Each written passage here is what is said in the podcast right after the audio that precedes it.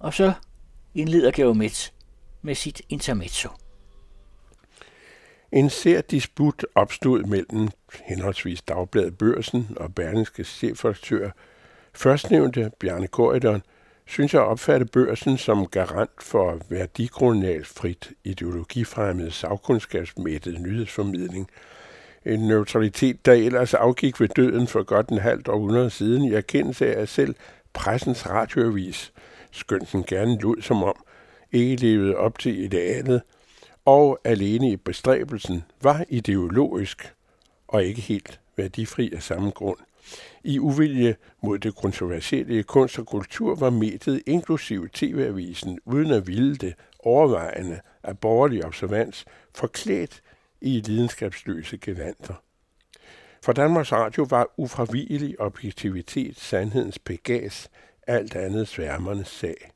Ideologier er noget bras, sagde 80'ernes dominerende politiske skikkelse på Slytter.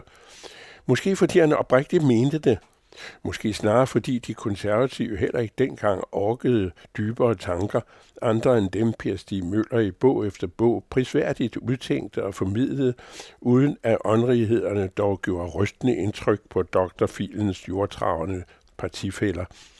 Det kan man også kalde en ideologi.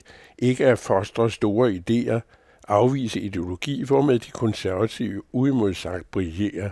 I den ende ligger eksistentielt i journalistisk forstand langt mindre klart, et konservativt værdigrundlag urokkeligt solidt og dybt i Berlingeren, hvis chefredaktør som antydet ikke uden god grund har reageret på korridorens anfægtelser. Berlingeren peger på, at man i en historisk sammenhæng som det berlingske hus naturligvis ikke siger sig fri for ideologisk brede grundsynspunkter. Holdningsstof, såsom national identitet, klima delvis, kultur og køn placeres på en anden måde med et andet udgangspunkt i pilestrædet end i børsen eller eksempelvis information. Ideologierne bag disse forskelligartede publikationer gør selv sagt en og flere forskelle. Medievirksomheder behøver ikke overveje den slags døgnet rundt. Det ligger i luften, hvor blæsten bærer hen, og redaktioner og medarbejdere vægter stof, stil og mening bag. Pointen er at sætte paratholdningerne til indre debat og lade tvivlen afspejles i avisen. Personer, der føler trang til at give meninger til kende med adgang i pågældende publikationer, antyder ydermere retningen. Diskussionen om objektivitetens væsen og om hvem, der har indløst patent, er på baggrund af den daglige virkelighed lettere overflødig.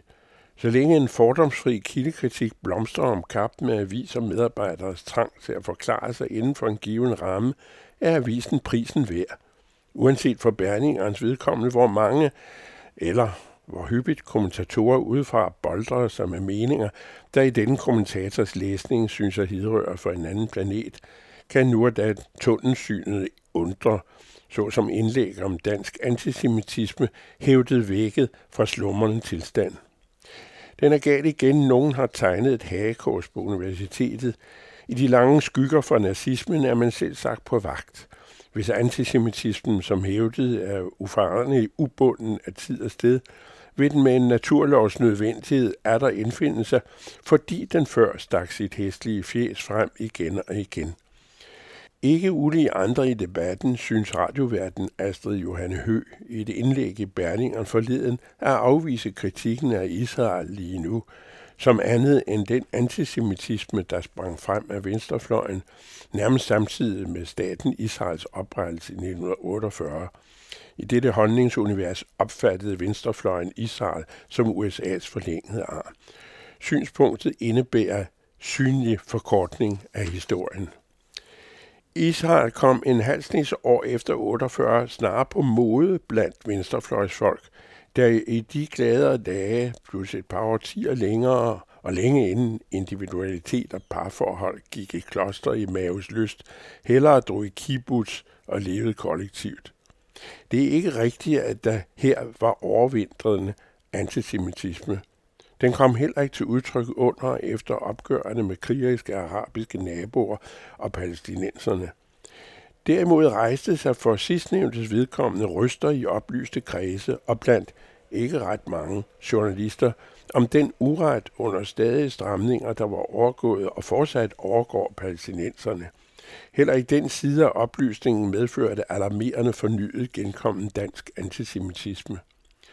Hvordan det ligger nu, bortset fra dem, der fristes af konspirationsteorier, tyder heller ikke meget på et alment vågnende dansk jødehad. Kritikken af den israelske regering stadig mere indædte krigsførelse i Gaza og på Vestbreden har lige så lidt med antisemitisme at gøre, som da den danske højrefløj og Berlingeren 50 år siden beskyldte kritikere af USA's krigsførelse i Vietnam for anti-amerikanisme. Så ville jo dengang godt halvdelen af alle amerikanere være anti-amerikanere. Krigen mod Gaza nu har egentlig ikke noget at gøre med jøder, hverken som sådan eller som helhed – med et kritisabelt leder i spidsen for et kritisabelt sammenstykket politisk flertal, agerer Israel i forståeligt svar på massakren i oktober i midlertidige proportioner, for hvilke opinionen i ellers indforståede kredse, jøder eller ej, må føle afstandtagende sorg og smerte. Kald ikke det antisemitisme. Intermezzo, som altid her på den anden radio, og i fredagens udgave af Information.